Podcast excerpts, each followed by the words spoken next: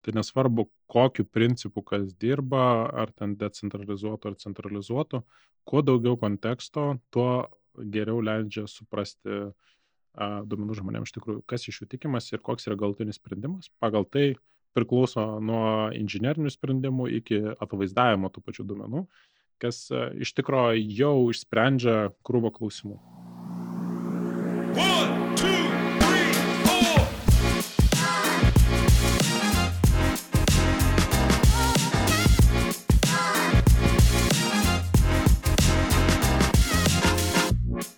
Sveiki, čia Tadas ir ačiū, kad klausotės laidos Superproduktas. Tai antroji pokalbio su Tomu Peluričiu dalis.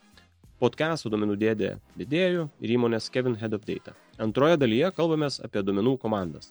Pirmoje dalyje kalbėjomės bendrai apie duomenis įmonėje, nuo ko pradėti, ko vengti. Nuorodą rasite epizodo aprašymę. Gero klausimus.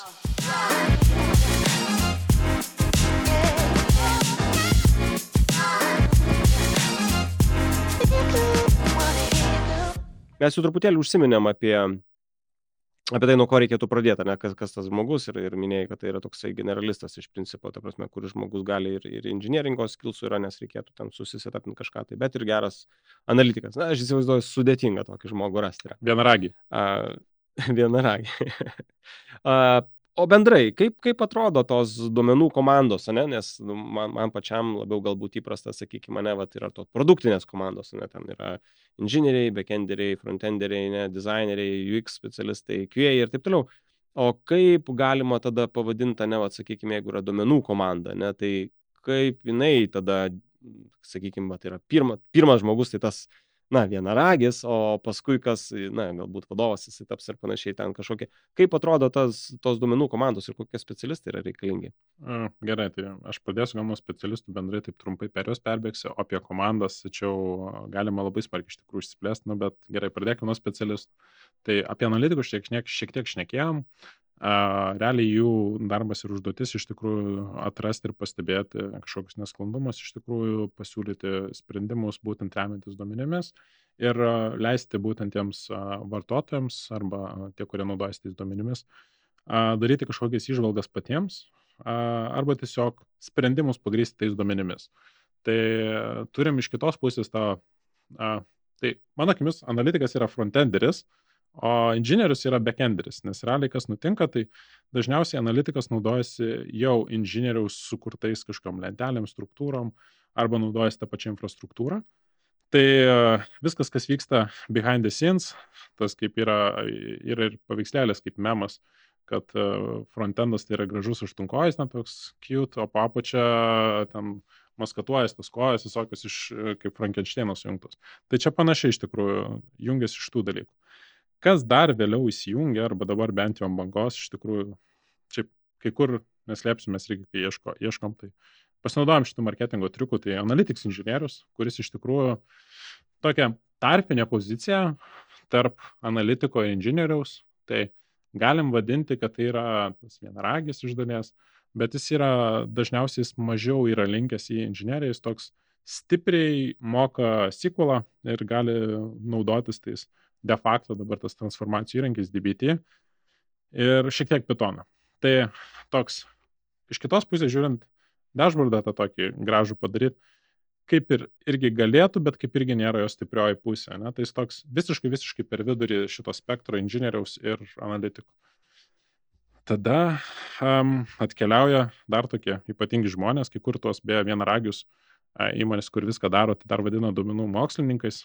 Tai uh, bet na, čia irgi labai priklauso. Tai jų darbas iš tikrųjų pasinaudoti mašininio mokymosi kažkokiais modeliais. Nu, čia galim užmauti AI-us, čia pasinaudoti tais smagiais ir einamaisiais terminais ir a, jų darbas iš tikrųjų paieškoti tų sprendimų, kurie nėra taip akivaizdžiai matomi, pagrupuoti būtent naudojantis mašin, mašinos to tokiu sprendimų prieimimo principu. Um, Kas dar iš to išauga, tai yra mašininio mokymosi inžinieriai, kurie labiau atsakingi už duomenų mokslininko darbo produkcionalizavimą. Ir tai jie tokie kaip ir irgi panašiai, frontendas ir backendas realiai. Nu ir dar, dar turim tų visokių DevOpsų, MLOpsų, kurie tokie yra atsakingi labiau už platformų palaikymą ir struktūrų sudėjimą, bet čia nėra mano stiprioji pusė, kur aš žinau iš tikrųjų, ką daro, tai aš šitą paliksiu pasiskaityti žmonėm arba pasižiūrėti savo eigoje. Tai va, tai apie žmonės ir apie specialybės jų Taip, dabar einam prie tos įdomiausios temos. O dar Taip. truputėlį dar, atsiprašau, ar yra kažkoks uh, QA, sakykime, nu, vat vis tiek, Uf, nu, tie tavo geri, ger, geras tas frontendas, backendas, ne, vis tiek kažkas ten inžinierius padarė ir aš tada pasėmiau bandau Aha. kažką pasižiūrėti. Tai va. Tas kokybės toks, nu vis tiek čia aš galvoju, nu, toks, va, kaip, su šita kokybės užtikrinimu to darbo, ar čia mes komandoje dirbam ir tiesiog, va, nu, neveikia, neveikia, tai bandom įsiaiškinam, ar, ar dar vis tiek kažkokią rolę. Aš taip supratau, čia komandinis dalykas, ne? Bet kaip, kaip, jo, komandinis, bet jokiais dažniausiai kas nutinka, tai šituo atveju dedikuotos rolės tokios nėra. A, iš mano patirčių tai visą laiką, kas nutinka, tai a, padaro pakeitimus inžinierius ir tada žiūri, ar nusprogo kažkas ar nenusprogo, kažkuriam dashboard'e skaičiai išsikraipė ir viskas nebegerai, tada žiūri, kas neveikia. A, bet šiaip jo, jokai jokais, manau, viena iš tų priežasčių, kodėl būtent per COVID išaugo tas ir vienas iš tų mano minėtų sričių, kurie daugiausiai atsirado tų startuolių, tai būtent yra duomenų kokybė, kuri automatiškai identifikuotų, ar tai yra teisė teisingi duomenys ar ne, ar labai išsikraipę ar ne ir panašiai. Tai su tuo atėjo dar ir gerų ir atviro kodo sprendimų, kurie leidžia pasilyginti, tarkim, ką developmentė turi su production'e tą patį kodą praleidus. Tai šiek tiek leidžia išvengti užbėgti įvykiams už akių, nes nori, nenori, um, kaip čia pasakyti, su, su ataskaitom ir su duomenų visom manipulacijom, tai labai daug yra verslo taisyklių, ir jas visas apsirašyti vieno vietoje ir palaikyti ir a, turėti dar vieną žmogų, kurio darbas būtų tiesiog realiai vesti dvi rankas ir žiūrėti, ar viskas gerai ar ne, ar atitinka, pakankamai sudėtinga. Galima iš kodo pusės apsibriežti, taip, tuos bazinius testus pasidaryti, ar jie veikia ar neišsikraipo su tokiam reikšmėm. Taip galima, bet nori, nenori, kaip čia, evoliucija daro savo, tai tiek tų domenų ateina, tiek naujų variantų ir pasiskirstimų, kad visko realiai gale apibriežti neišeina, tai stengiasi vadovauti, vadovautis tą 80-20 taisyklę ir, na, ir tikėtis geriausiai. Turkoj, e, kaip komandos yra, kaip su komanda, nes e, vis tiek, ko gero, analitikas bus dedikuotas prie kažkokios galimai produktinės komandos, ne, ir ten tas darbas, bet uh, Ar, ar apskritai tas duomenų komanda tada jisai make sense kaip, kaip terminas, ar jisai yra, nu, įsivaizduoju, nu, vis tiek tai yra uh, funkcija tam tikra, ne, kur dalinamasi patirtim ir taip toliau. Ir paskui yra tas cross-functionis daugiausia bendradarbiavimas, bet uh, kaip, kaip tai atrodo vat, gyvenime pas jūs? Mm, Čia irgi labai priklauso nuo įmonės tos brandos ir nuo situacijos, bendrai kaip jie žiūri šitus dalykus. Tai startuolė, nori, nenori, tai bus centralizuota vieta, kurie dėliojasi viduje, kas ką daro, kas po ko, kokie yra prioritetai ir ta pagal tai sprendžia dalykus. O vėliau labai priklauso, kiek ilgai žmonės yra pasiryžę važiuoti su centralizuotu tokiu pasidalinimu, nes a, kas tada nutinka, kad realiai viena komanda a, išsidėlioja savo dalykus, prioritetus, nežino gal kaip ir lygiai išsidalinti. Ir a, kartais patampa tiesiog tuo bottlenecku bendrai sprendimams važiuoti. A, tada, kas nutinka, natūraliai atsiranda tokie kaip ir dalinimaisi arba dedikuoti žmonės į komandas. Ta klausimas, kaip tą dalinimąsi daryti. Standartiškai, kas nutinka, tai analitiką lengviausia atiduoti kažkur komandai, nes jisai ką, žino domeną tada ir jis gali tiesiog fokusuotis tik į to domeno duomenis. Klausimas, ką daryti su inžinieriu. Ar inžinieriu atiduoti iš karto, ar jam bus ten tiek darbo ir ar jam bus įdomu tik tai kapstytis ten su tam tikru uh, duomenų dalies rinkiniu, uh, irgi klausimas. Ne? Tai mano akimis geriausias tas golden ratio analitikų ir inžinierių tai yra viens prie trijų. Tai viens inžinierius prie trijų analitikų kažkur, kai kur važiuoja ir ten viens prie keturių. Um, nes realiai uh, dar lieka ir laiko tokiam nors techniniam arba platforminiams dalykams pasidaryti, pasižiūrėti. Tai a, visai neblogai turėtų važiuoti.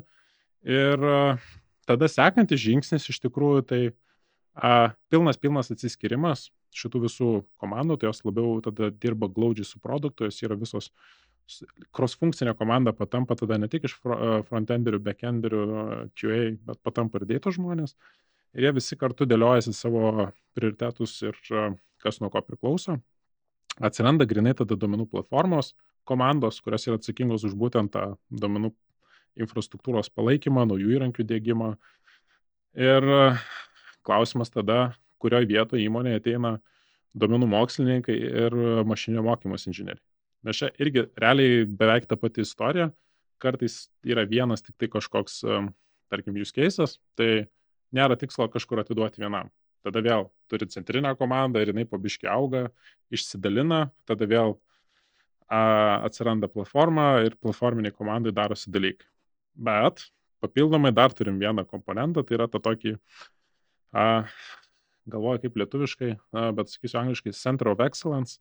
Tai realiai tokie žmonės, kurie atsakingi už tos standartus ir jų palaikymą, nes nori, nenori, kai mes a, išdalinam žmonės po skirtingas komandas, jie ateina su savo praktikom, su savo kodo rašymo standartais ir kad jas suvienodinti, tai yra pakankamai didelis darbas ir net ir sudėtinga iš tikrųjų tą padaryti, jeigu paleidai laukinius vakarus. Ne? Jūs darykit kaip jūs norit, mes darysim kaip mes norim. Tai šitoj vietoj tas padeda uh, sutvarkyti ir sustiguoti kertinius dalykus. Kartais ta komanda iš tikrųjų nebūna atsakinga už uh, kertinę net duomenų sandėlio modelio dalį ir e, tas praktikas e, perdavinėja būtent kitiems tiems jau decentralizuotiems žmonėms. Tai va taip, o paskui labai priklauso, nes mano patirtis realiai tokiuose korpo, kor, korporacijose, kur tikrai labai didelės, kur mačiau tokių įdomesnių dalykų, tai, tai būtent buvo bankė, tai iš tikrųjų bankė didelės komandos visos centralizuotos. Tai man toks buvo įdomus sprendimas. Tai nežinau, ar tai visur nutinka, ar kaip ten vyksta, bet kaip šnekėjau su žmonėm, tai priklauso irgi nuo įmonės. Nes panašu irgi decentralizacija pradeda judėti. Jo, čia yra, yra tų pavyzdžių įmonių, ne, tas pats Sebas, man atrodo, aš negaliu tiksliau už šnekėti, bet jie tai buvo tokia centralizuota, bet paskui ta, kuo daugiau to agility, kaip sakyti, statyti ir ten tas uh, flat uh, organizacija, tai kiek teko girdėti ir kalbėtis, tai uh, jo, tai čia tas toksai, ko gero, įmonės brandos bendrai toksai, ne, yra Tai aš apie Sebą čia ir turėjau omeny, nes pats dirbu ten, tai dėl tas, kad centralizuota komanda. Tai jo. Tai aš, e, vat, nežinau, gal tu geriau žinosi, aš tiesiog kalbėjausi su pažįstamai, sakė, kad uh, jie tą praėjo agile visą ir, ir kiek įmanoma. Tai galbūt dabar jau yra kitaip truputėlį. Dabar pagal skelbimus matosi iš tikrųjų, kad ieško labiau tokias jau dedikuotas į tos traibus. Tai, nu, panašu, kad juda į a, agile visą kelią. Okay. Nu, čia toksai tas e, decentralizavimas, ne? iš to greitis atsiranda. Uh, ok, labai įdomu, čia tokia plati tema, aš galvoju, norėčiau palėti, žinai, to bendradarbiavimo tokį uh, aspektą. Čia galbūt ir e, abiem atvejais, ne tiek, sakykime, to centralizuoto, necentralizuoto buvimo komandoje, bet atsiranda tas uh, santykis bendradarbiavimo tarp produkto vadovo, sakykime, ne, ir, ir duomenų uh, analitiko. Uh, kokie yra, nežinau, geri dalykai, ko reikėtų siekti, kad tas bendradarbiavimas atneštų daugiausia naudos. Čia, ta prasme, nu, realiai nauda verslui, ne? Ar yra kažkokių tai iš tavo pastebėtų dalykų, taisytini dalykai, kurių reikėtų vengti? Mhm, tai pradėkime nuo to, tai iš tikrųjų visą laiką yra svarbus santykis su žmonėm ir to konteksto žinojimas. Tai nesvarbu, kokiu principu kas dirba, ar ten decentralizuotų ar centralizuotų, kuo daugiau konteksto, tuo geriau leidžia suprasti uh, duomenų žmonėms iš tikrųjų, kas iš jų tikimas ir koks yra galutinis sprendimas. Pagal tai priklauso nuo inžinierinių sprendimų iki atvaizdavimo tų pačių duomenų, kas iš tikrųjų jau išsprendžia krūvo klausimų. Tada kitas dalykas yra komunikacija. A, susitarti ir susiderinti, kaip tas vyksta. Nes a, kai kur, tai tarkim, Sleko žinutės, it's fine, greitai susišneki, susižiūri, kada turi laiko apsišneki, bet ne visiems tas yra, tarkim, primtinos arba ne visi pratę rankiotis kontekstą per tas žinutės. Kartais gal reikia, tarkim, skambutį greitai apturėti, greitai detalės išsiaiškinti ir bus ramu. Tai susiderinti komunikacijos tos uh, procesus viduje ir jau didžia, didžioji dalis problemų, atrodo, bus praeitie. Uh, ką aš pastebėjau iš tikrųjų, kas veikia labai gerai iš mano praeities, tai um, iš tikrųjų keliauti ne tiesiog tų paprastų užduočių uh, keliu, kad tiesiog analitikas ar ten duomenų inžinierius gauna uh, džyros užduotėlę, sako, man, man reikia čia to ir to. A, bet labiau dirbti kaip m, su partneriu iš tikrųjų, nes a, tada sužinai daugiau konteksto, tu esi, turi ir jauti prasme iš tikrųjų, kad tavo darbas yra vertingas ir kažkokią naudą atneša.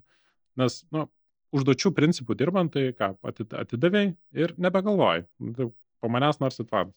Tai gaunasi taip, kad padariau savo, atiduodu, kas, kas ten paskui su juo daroma, visiškai nesvarbu. Bet tada šitoj vietoj partnerystės atveju gaunasi, žmonės neša daugiau atsakomybės, jie yra labiau susidomėję, koks bus jų impactas ir kiek į tai įdės darbo. Plus, papildomai, žinodami to kontekstą ir viską, jie gali e, iš kitų sričių apjungti daugiau dalykų. Gal, tarkim, kitoj komandai darė kažką panašaus ir turėjo tokių pastebėjimų ir jau gal jau egzistuoja ta informacija. Tai iš to tokio vieno iš tolimo bendravimo perėmus į artimą, gaunasi, kad susijungia tos visos gerosios savybės ir praktikos ir gaunasi labai gera komunikacija. Tai sakyčiau, ne, ne, nešaudykite pidžyro žmonėm, visi, visi nori sužinoti daugiau info ir jų, da, jų darbą įsiprasminti. Čia šiaip labai gražiai pasakė apie tą kontekstą. Tai apskritai, būnant produkto vadovu, ypatingai svarbu komandai pateikti kuo daugiau konteksto, ne, ir čia ta du tie tokie poliai, žinai, vienas, vat, kaip tas už, užduotinis, ne, aš viską paruošiu, ten visus džira tiketus ir sustumdysiu ir pasakysiu, dabar darom šitą ir šitą ir šitą. Kitoj pusėje yra tas toksai delegavimas, kur mes nu, labiau kalbam apie tai, o ko, ko, kodėl mes čia dabar apskritai kalbam apie šitą poreikį, galbūt ne, ne šitas yra, ne, ir čia tada ne, ne vieno žmogaus tampa užduotis, bet tada komanda jinai tampa tokia įgalinta, jeigu taip galim populiariai pasakyti, ne, ir mes kartu tada sprendžiam ir ieškom tų, tų, tų kažkokių sprendimų į tas problemas. Tai labai sutinku, labai, labai palaikau tokius dalykus. Hmm, čia dar vienas gal toks pastebėjimas iš tikrųjų šitos vietos, tai iš mano tokių ankstesnių patirčių, tai iš tikrųjų, kad kartais kitas būna decentrali, iš centralizuotos perinai decentralizuota, tai dažniausiai tie duomenų žmonės tokie irgi būna nu, čia sudėta žmonės dirba, šonė kažkur, žinai, savo kamurkę gali turėti, ten sandėliukė dirbti, e, niekam neįdomu, iki kol neprasideda reikalai, kad mums reikia sprendimų remtis duomenim, tada pamato naudą. Tai sakyčiau irgi ne, ne, nenustumkit jų taip iš karto, įkorporuokit ir ta visiems bus žymiai paprasčiau, nes labai mačiau gerai veikiančių komandų, kur tas, tas santykis toks yra artimas ir tiek visi tada gerai pažįsta, tada realiai kaip sustiguota mašina, taip labai gerai veikia. Tarkim, reikia informacijos, a, greitai programuotojai su paruošia visą kodą, patys jau žino, ką iš tikrųjų analitikai patikrins, ar domenų inžinieriai jau pusę darbo padaro, pasižiūrėjom, nu va gerai, mes savo pusėje padarėm, patikrinom šitą ir šitą variantą, viskas važiuoja good, nu, užmeskite akį ir viskas gerai jums tinka. Ir tas pradeda galvoti labiau į priekį ir realiai net pačių tų programuotojų labiau atsiranda susidomėjimas tais pačiais duomenimis tada toks gaunasi užburtas ratas, ne? mes matom daugiau duomenų, tada, hm, gal mes galim šitą pakeisti dar, pažiūrėsim, kaip tai keisis, kas iš to gausis. Ir tada gaunasi toks labai geras duomenų kultūros uh, užsuktas ciklas, kur visi susinteresuoti judėti tik į priekį ir tą greitį didinti. Mhm. Šitas labai geras pavyzdys, labai patiko. Tu prasme, iš tiesų, vat, kai visi tais duomenim, ne tik tai net ten produktų vadovas, bet ir visa komanda realiai uh, žiūri ir, ir tada super, šitas labai fainas. Čia pavyzdys vienas, aš, aš tai pasidalinsiu, nes uh, turėjom mes bagą vieną kartą vienam reportė ir turėjom ofisas dar tada, dar prieš COVID buvo, ėjom į ofisą ir prie televizorių sukdavosi mūsų dieninis reportas ir tipo rašo vienas programuotojas, o ten nėra klaidos, kažkaip per didelis paaugimas, ten buvo šiaip dažniausiai tipo apie 10-15 tūkstančių, dabar sako, čia milijonai išaugo. Aš taip, okei, okay, pasižiūrėjom kodą, jo klaida buvo, tipo pagavo tokį. Tai aš buvau apšalęs, nes anksčiau patirtis buvo, kad handoffas, handoffas, handoffas ir, nu, tipo, nėra tų bendrų taškų tiek daug. O čia toks suinteresuotas, tai man ten yra, nežinau, siekimybė iš tikrųjų visur, kur yra tos tokios cross funkcinės, kad visur tokiu principu keliautų. Jo, bet vat, jo, reikia įgalinti, ne vadinasi, tas irgi prasideda nuo, nuo viršaus, vis tiek tas matymas, kad tai, tai, tai duoda realią naudą, nes visi yra įsitraukę ir, ir sprendimai, ir problemos, e, problemoms sprendimai greičiau atsiranda. A, gerai, super. Ar dar turi, turi ką papildyti apie komandas, ar galbūt dar pabaigai va tokį, e, apie tendencijas pasišnekėti galvoju? Galima apie tendencijas, man atrodo, nes Aš, aš, aš labai nenoriu išsiplėsti, nes koks įdomus dalykas, kad čia nesiniai irgi buvo, ar McKinsey, man atrodo, paskelbė dar tas specializacijas, kur aš jau čia gal šešias ar septynias įvardėjau, o jie ten, man atrodo, gal 20 padarė, aš taip pasižiūrėjau. Nu gerai, bus įdomu. Tai ne, ne, nebeskaičiau, nebesigilinau, tai per giliai lysti bus. Ok, ok. Gerai, pakalbėkim dar tada pabaigą apie tendencijas ir vis tiek, kadangi tame gyveni, tai tikiu klausytams ir man pačiam bus įdomu, kas vat, vyksta duomenų pasaulyje. Čia plačiaja prasme, ne, čia toks labai atviras klausimas, ne, E, kas pačiam yra akivaizdu, kur nujudės e, visi dalykai susiję, galbūt apie įrankius kalbant, nežinau, kažkokius kitus sprendimus, kas, kas vyksta, į ką reikėtų atkreipdėmėsi, vat, ir average Joe, kam būtų vat, aktualu, ne tam. Average Joe, tai čia GPT dabar irgi pas mus ant bangos, tai į tą seriją ir e, Meta išleido savo L, L AMA, man atrodo, pavadinimu tokio savo modelį irgi, kuris, man atrodo, aplenkė pagal pajėgumą, jeigu neklys, nu kažkas tokio, kad visai neblogai. Tai dabar visas hypas ir visa toks fokusas yra ant tų a, kalbi, su kalba susijusių, to su raštu susijusių modelių, labai smarkiai auga. A, jeigu žiūrim bendrai, tai kaip ir minėjau, įmonių visokių yra nu, labai daug atsiradę. Tai dabar mano akimis, žinant, kad čia ekonominė situacija, visi čia krizė, krizė, Tai dabar įdomu, kas su kuo susijungs ir kokį pakeis savo tą, tarkim, siūlymą. Gal tiesiog konsoliduosis kelis įrankius į vieną ir bus platesnis toks pasiūlymas. Bet jo, šiaip nurimo visas blokčiaino vajus, ten Web3 jau irgi ne, ne, ne taip dažnai pastebiu, bet čia gali būti, kad tiesiog, kaip čia, kaip čia sakyt, laikinu ne tuos įrašus, tai man tiesiog siūlo, nebesiūlo tų, tai irgi variantas. O kas bendrai iš įrankių, tai nežinau, daug, daug tų įrankių, nespėjau aš pats jų sekti, iš tikrųjų, tam pusę etato reikia dar skirti, maždaug pasivyti rinką iš tikrųjų, kas kaip vyksta ir kodėl. Tai ne, ne, nėra labai toks paprastas ir lengvas atsakymas šitoje vietoje apie tendencijas, apartų kalbinių dalykų, Ir, o ja. kaip tu manai, tie kalbiniai dalykai, jie, na, vat, tas čia GPT ir galbūt plačiaja prasme, tas dirbtinis intelektas, ar jisai čia gali pagelbėti, va ypač tavo minėta iš tų duomenų kokybės ta problema, ne duomenų valymas yra, sakykime, ne, a, toks natūraliai kažkaip kilo, ne, tai, sakykime, galbūt galim tam pasitelkti, tam, tam tokius sprendimus, ne, kurie padėtų tą kokybę. Tai ar čia, žodžiu, trumpalaikis vėl hypas kažkoks, pabus pusę metų ir, ir lauksim kito Manau, dalyko, ar čia jau toksai Manau, ne.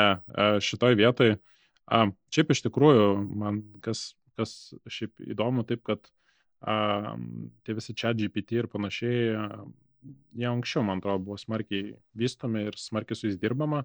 Vienas iš tų puikių pavyzdžių, tai iš tikrųjų buvo GitHub'o copilotas, kuris tiesiog apsimokė su jiems prieinamais kodai, kod, prieinamas kodo failais, apmokė tą algoritmą ir dabar padeda programuoti iš tikrųjų aprašant tuos, nu, tokius neįdomius, neįdomius užduotis, tuos statinius testus, apsižiūrėti dokumentaciją kartais padrašyti.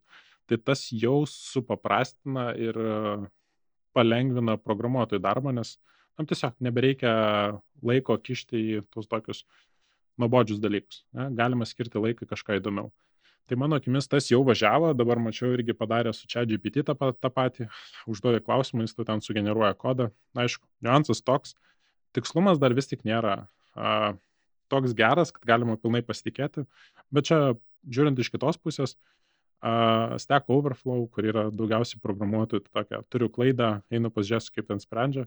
Netgi sprendimai nėra visiškai teisingi aprašyti, tai nori, nenori, reikia tiesiog žinoti, kuom pasitikėti. Čia iš tų tokių įdomesnių dalykų, tai ar AI pakeis žmonės šitoje vietoje? Tikrai ne.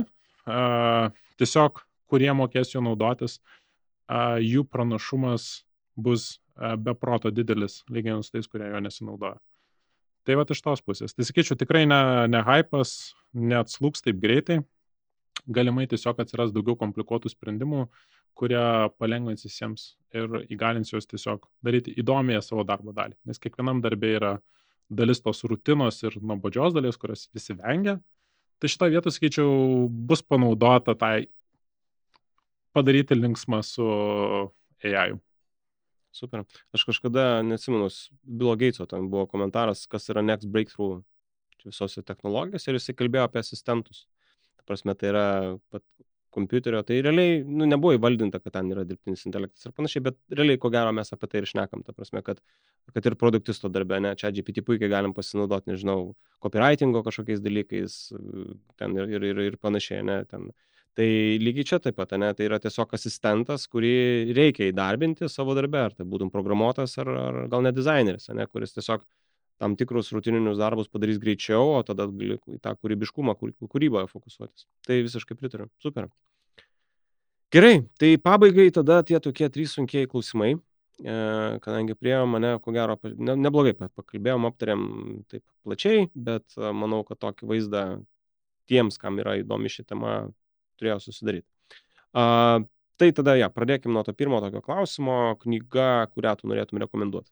Mm, Šiaip iš tikrųjų man knyga, kuri biškai pakeitė mano tą tokį mąstymą iš tokio visiškai inžinieriaus, kur buvau labiau fokusuotas į deliverius, tai buvo Zero to One uh, ir, ir Lean Startup iš tos pačios pusės, šiek tiek pakeitė mano mąstymą. Bet jeigu žiūrint iš, iš tokios labiau darbinės pusės, um, tai nori, nenori designing uh, data driven applications, Tai tokia labiau fokusuota į būtent tą techninę dalį. Tai čia mažiau kam aktualu, tokia labai jau specifinė gaunasi, bet uh, kaip čia, aktualesnė būtent specialistams, bendrai paėmus kitos dvi man žymiai labiau patiko.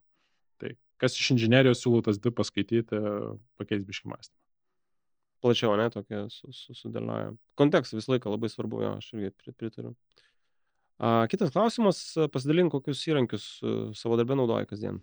A, jo, tai hangoutai labai dažnas įrankis, kai reikia su visais pasišnekėti irgi tą kontekstą susirinkti. Jeigu iš darbinių, tai iš tikrųjų KVS kodas, pagrindinė vieta, kur kažkas vyksta techninio. Tai ir slekas. Tai nes vis tiek, manau, tokiu labiau fokusas jų yra ta vadovo rolė, tai nori, nori to hands-on darbo lieka netiek daug. Tai, nu, bet kiek išeina, tiek išeina.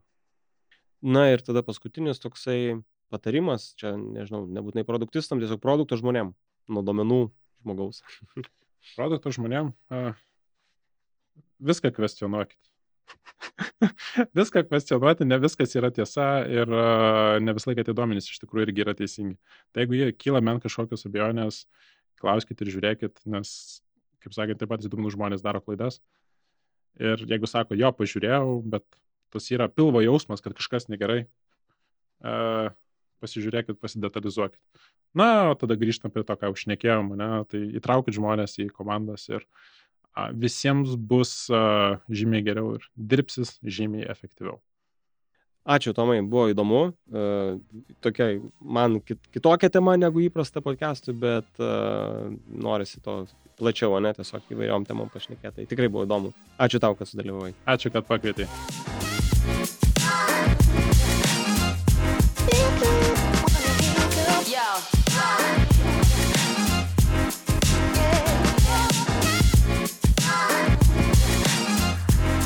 You.